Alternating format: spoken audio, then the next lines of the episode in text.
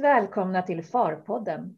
I det här avsnittet kommer vi att ta upp de hetaste skattefrågorna inför årsskiftet. Vi kommer också att prata om vilka större förändringar vi kan förvänta oss på skatteområdet under nästa år och om vilk åt vilket håll vindarna blåser inom EU när det gäller skatt. Gäster idag är Ulrika Lund Eriksson som är auktoriserad skatterådgivare på PWC och Hans-Peter Larsson som är skatteansvarig på FAR. Välkomna Ulrika och Peter. Mm, tackar. Tack så mycket. Och jag som leder samtalet heter Pernilla Halling och är kommunikationsstrateg på FAR. Ulrika, vilka är de allra viktigaste frågorna inom skatt inför årsskiftet?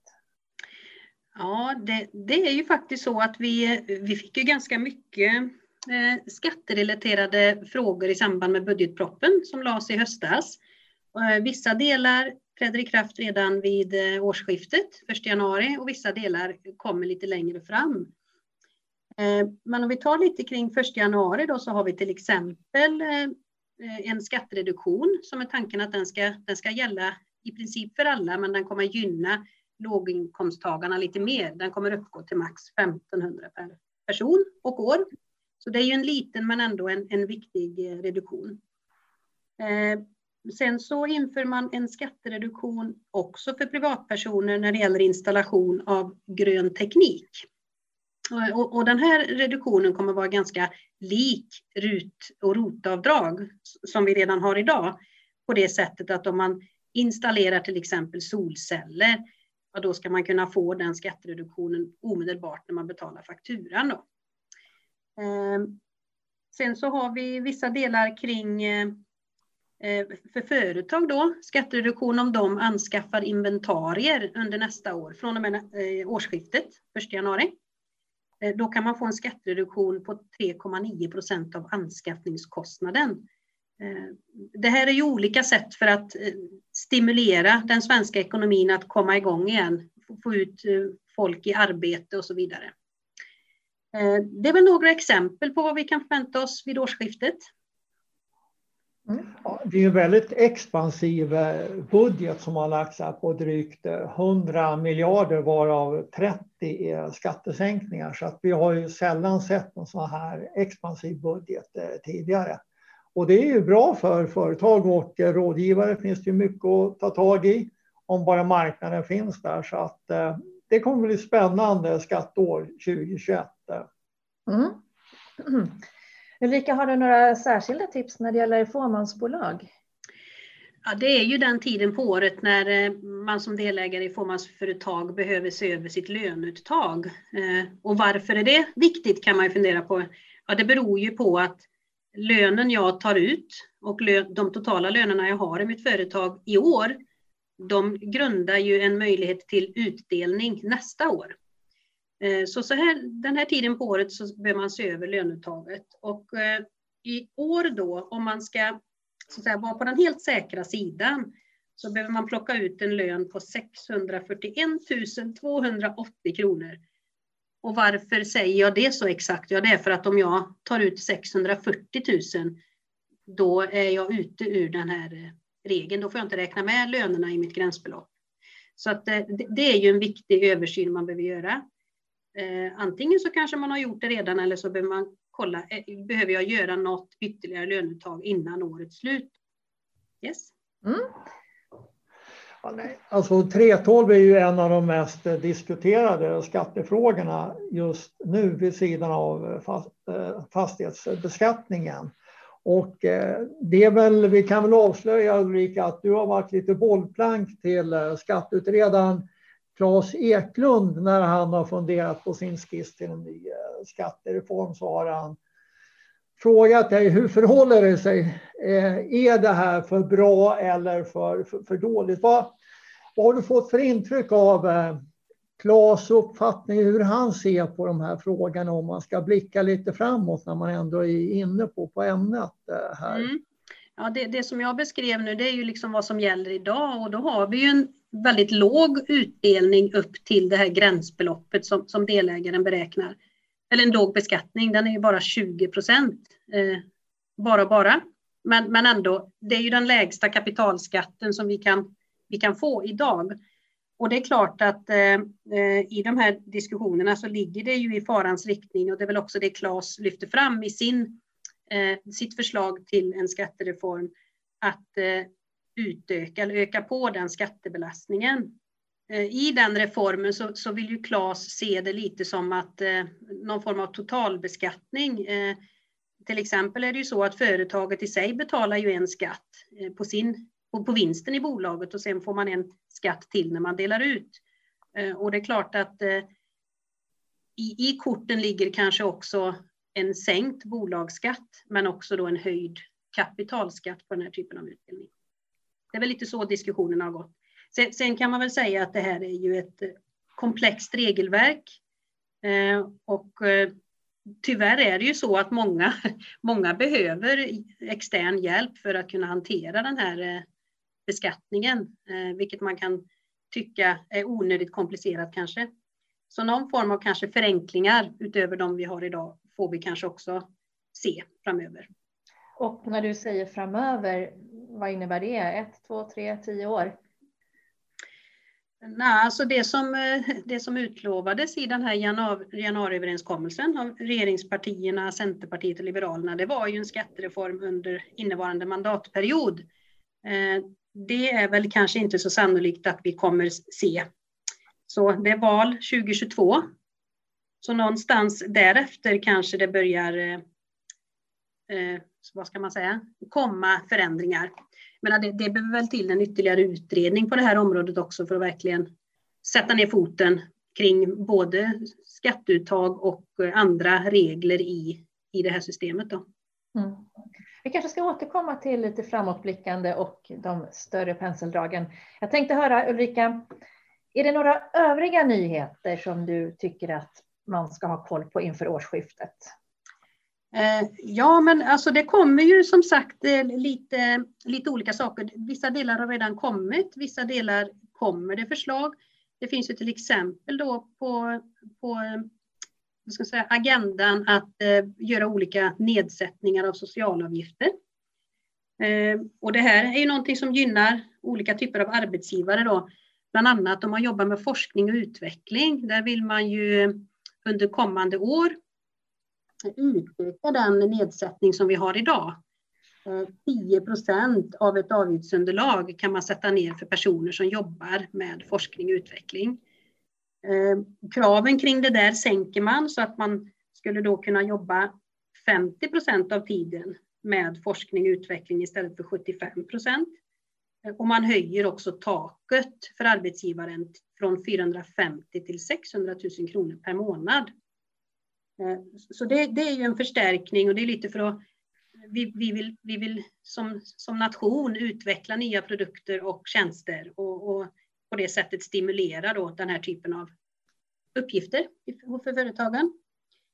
Eh, sen har vi ju spåren av eh, pandemin som pågår för fullt. Många som är i arbetslöshet och för att stimulera för yngre att komma in på arbetsmarknaden så vill man också under nästa år tillfälligt sätta ner socialavgifterna för unga personer mellan 19 och 23. Eh, eh, återkommer med ett förslag, men, men eh, det är någonting som vi ser för nästa år. Då. Och sen också en tillfällig utvidgning av det så kallade växa-stödet, alltså när man som företag eh, går från noll till en eller två arbetstagare, eller man går från en till två arbetstagare. Så att det, det är väl också något vi kan nämna här eh, som kommande lättnader framöver. Alla de här coronastöden, omställningsstöd, korttidsarbete och den här breda floran. Hur påverkar de årsskiftesplaneringen? Kan man ge några bra tips där? Vi var ju inne lite på det här med hur viktigt det är att se över sitt löneuttag när du är delägare i fåmansföretag. Och eh, då är det ju så att eh, gör man eh, värdeöverföringar ifrån ett bolag som har fått stöd, då kan det göra att man förlorar rätten till stöd. Man, då har man inte gjort tillräckligt för att, eh, så att säga, minimera den negativa utvecklingen i företaget. Då. Och där kommer ju då och då lite uttalanden från Tillväxtverket som är den myndighet som ska ha koll på de här stöden. Och bland annat då så har det kommit ett uttalande kring den här typen av löneuttag, utökade löneuttag som, som delägare ofta gör i slutet på året. Eh, och där säger man ju att man gör man det eh, nu i december till exempel så, så, riskerar man rätten till korttidsstöd i företaget. Eh, och det här är ju ett ganska, jag menar, det här med att man tar ut lite extra lön i, i slutet på året, det kan handla om 5-10 000 kronor kanske för att komma upp i rätt nivå. Det är ju någonting som många företagare eh, gör varje år. Det är ingenting som är specifikt för i år, men, men här får man ju vara lite extra försiktig då med vad har vi fått för stöd och hur mycket behöver jag eh, utöka mitt löneuttag? Så försiktighet eh, kring det där, vilket är lite synd kan man tycka.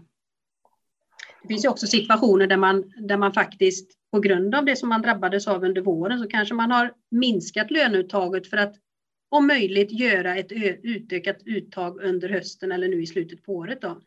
Och det är klart att då ju högre belopp desto mer försiktig bör man vara. Mm. Jag skulle vilja fylla på där och säga att som rådgivare så måste man nästan följa Tillväxtverkets eh, hemsida där de publicerar löpande frågor och eh, svar. Kanske inte varje dag men nästan till eh, varannan dag. Och just den här att eh, ett förhöjt löneuttag i slutet på året kan diskvalificera från stöd känns väldigt eh, nästan drakoniskt kan jag personligen tycka. Och FAR har varit inne och ställt frågan till Tillväxtverket. Ska inte det här svaret nyanseras? Inte vara fullt så svartvitt. Men innan vi får någon nyansering så nej, var, var observant eh, på, på, på det här. När kan vi vänta oss en, ett nyanserat svar? Ja, klockan är ju en halv minut i tolv nu höll jag på att säga så att eh, i bästa fall 15 sekunder före tolv. Eh, nej, men eh, det måste ju komma inom någon vecka om det ska vara någon vits med det, höll jag på att säga. Ja. Det är ju i december man gör de här finkalibreringarna. Eh, och det är väl en sak om man kanske lyfter ut ett par tusenlappar extra för att landa på rätt sida som Ulrika säger, än om man inte har tagit ut någon lön alls under året och sen tar ut den eh, nu i december. Så att eh, ja, mm. jag hoppas att vi får en nyansering i alla fall. Mm. Man kan väl lägga till där att eh, det kan, det kan ju vara så att man vill premiera anställda med någon form av bonusutbetalning som inte följer av anställningsavtal och så vidare. Om man har anställda som har jobbat hårt till exempel. Där, där finns det ju också lite uttalanden hos Tillväxtverket att det skulle kunna ses som ett, ja, en, en utbetalning som inte motiverar korttidsstöd. Då. Så att eh, som sagt, håll koll på på Tillväxtverkets hemsida är väl ett tips i dessa tider. Mm. Om man inte vill få obehagliga överraskningar då, om man har Precis. gjort det, trott att man har gjort rätt. Ja, alltså worst case är ju att eh, korttidsstödet ifrågasätts och man blir återbetalningsskyldig. Så att, nej, nej. Man kan inte vara nog eh, uppmärksam som rådgivare. När vi ändå är inne på corona och eh, effekter på skatt, så eh, hur ser det ut? Eh, vad är det för skattetrender i anslutning till covid-19? Jag tror att vi kommer att få se en förlängning på det som Ulrika har, har pekat på här. Hela Europa, inklusive Sverige, måste få igång sina ekonomier nu. Vad är det som gör att vi får igång ekonomier? Jo, det är åtgärder som stimulerar tillväxt och sysselsättning. Så att vi kommer att se fler expansiva budgetar under kommande två, tre år här. Eventuellt kanske vissa skattehöjningar av så kallade rättviseskäl, kapitalskatter diskuteras. Även om alla ekonomer, de flesta i alla fall, inser att det skulle bara kontraproduktivt när det gäller att skapa eh, tillväxt så diskuteras det ändå av politiska eh, skäl.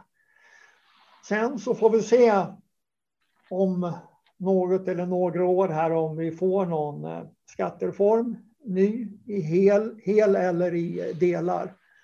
Sannolikt så kommer en reformering i delar utifrån det arbete som Ulrika har varit med och deltagit i här. Så det är vad som ligger i korten för, för svensk del under kommande år här mm. på den inhemska scenen. Så att det kommer att bli många nya möjligheter för företag som har en bra marknad så kommer det finnas hur mycket möjligheter som helst och därmed också mycket för rådgivare att bistå med.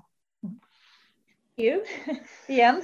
Ehm, så undrar jag, ligger det en beskattningsrätt för EU i de kommande korten när eh, e EUs återstartsfond som, som är vad är den, gigantisk, 150 miljarder euro, när den ska finansieras? Ja, alltså det är ju oerhörda pengar som EU kommer att ligga och svaret på, svar på din fråga är absolut, det, det, det gör det. För att eh, en del av de här medlen ska återbetalas menar EU genom en, att man ska ta in olika eh, skatter. Det nämns en fyra, fem olika eh, skatter så att EU vill ha en beskattningsrätt.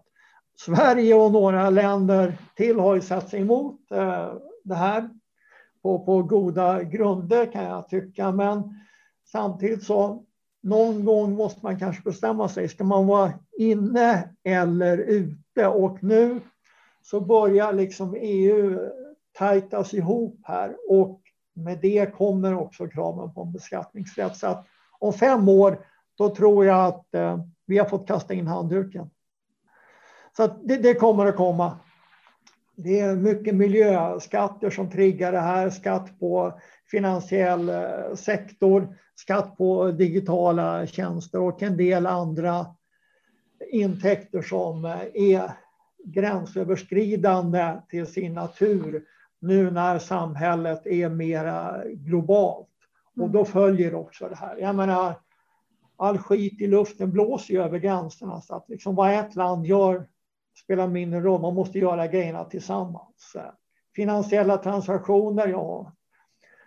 Det flyttas hur lätt som helst över gränser. Så att eh, nu med det digitala så mm. nej. Då kommer det krav på ökad samordning. Och när vi då är inne på skatt, skatter över gränserna så undrar jag. Um, den obligatoriska uppgift, uppgiftsskyldigheten för gränsöverskridande skattearrangemang som i praktiken införs efter årsskiftet. Kan man säga något om den? Vilka som berörs och så?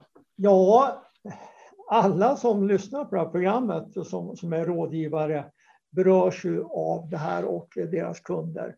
Och kort innebär ju den här alltså, uppgiftsskyldigheten att alla gränsöverskridande transaktioner, avtal som har någon form av skatteuppsida. Och då finns det ett antal kännetecken på vad uppsidorna är för någonting i lagstiftningen. Ska lämna in en anmälan inom 30 dagar efter avtalet till eh, Skatteverket. Eh, som de sen kan dela med Skattemyndigheten i det andra avtalslandet. Och syftet med det här är att skattemyndigheterna ska kunna se, ja, finns det några alltså, luckor i lagstiftningen som utnyttjas av företag på ett sätt som inte är avsett. Så att eh, nej, efter årsskiftet, alla internationella transaktioner som ger en skatteuppsida, in med uppgiften till Skatteverket och det är då ja, vilka som är parter, hur mycket det gäller och eh, vad, vad frågan gäller. Så att, eh, det finns en hel del information på Skatteverkets hemsida om det här. Men det här kommer bli en jättestor grej.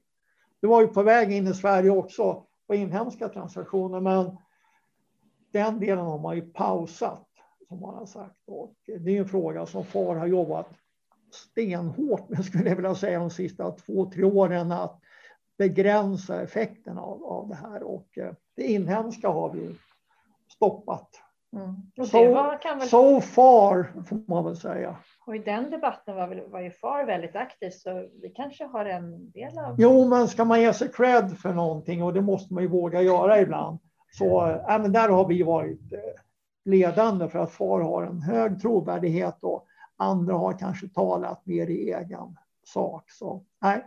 Mm.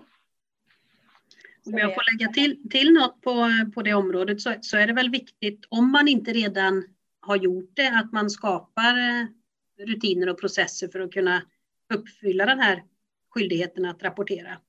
Dels vad gäller liksom testning om de, något av kännetecknen är uppfyllda och också sen hur, hur man rapporterar på ett, på ett bra sätt, samlar ihop det där. Så, så det är ju väldigt viktigt. Mm. En annan fråga som eh, jag tänker på, vi har varit inne på miljö och hållbarhet och så.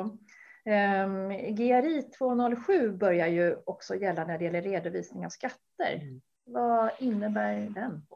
En annan stark trend som du är inne på, det är ju hållbarhetstrenden och den går igenom på, på alla områden, så även på, på skatt. Och FAR har ju lyft att skatt är en hållbarhetsfråga eh, i så mått att det ska finnas möjlighet att vara transparent kring sina skatter. Och eh, nu från och med årsskiftet så det finns en organisation som heter GRI, Global Reporting Initiative, som tar fram alltså frivilliga redovisningsrekommendationer på olika hållbarhetsområden. Och nu har man satt ner foten inom skatt och tagit fram den här rekommendationen 207 som går igenom för det företag som vill alltså visa sin skatteposition och visa hur mycket skatter man betalar och i vilka länder och alla förhållanden.